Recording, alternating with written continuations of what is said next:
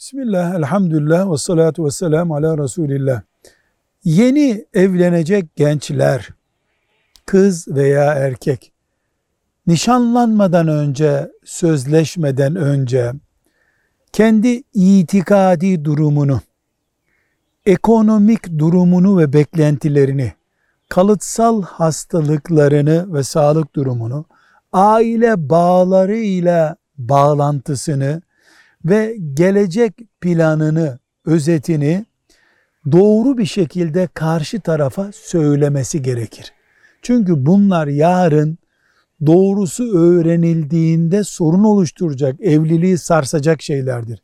Aynı şekilde kadınlar da genç kızlar da evlenecekleri zaman çalışma ile ilgili planlarını, evde bekleyip beklemeyeceğini, annesini, babasını, akrabalarını ziyaret düzeyini bunları söylemelidirler.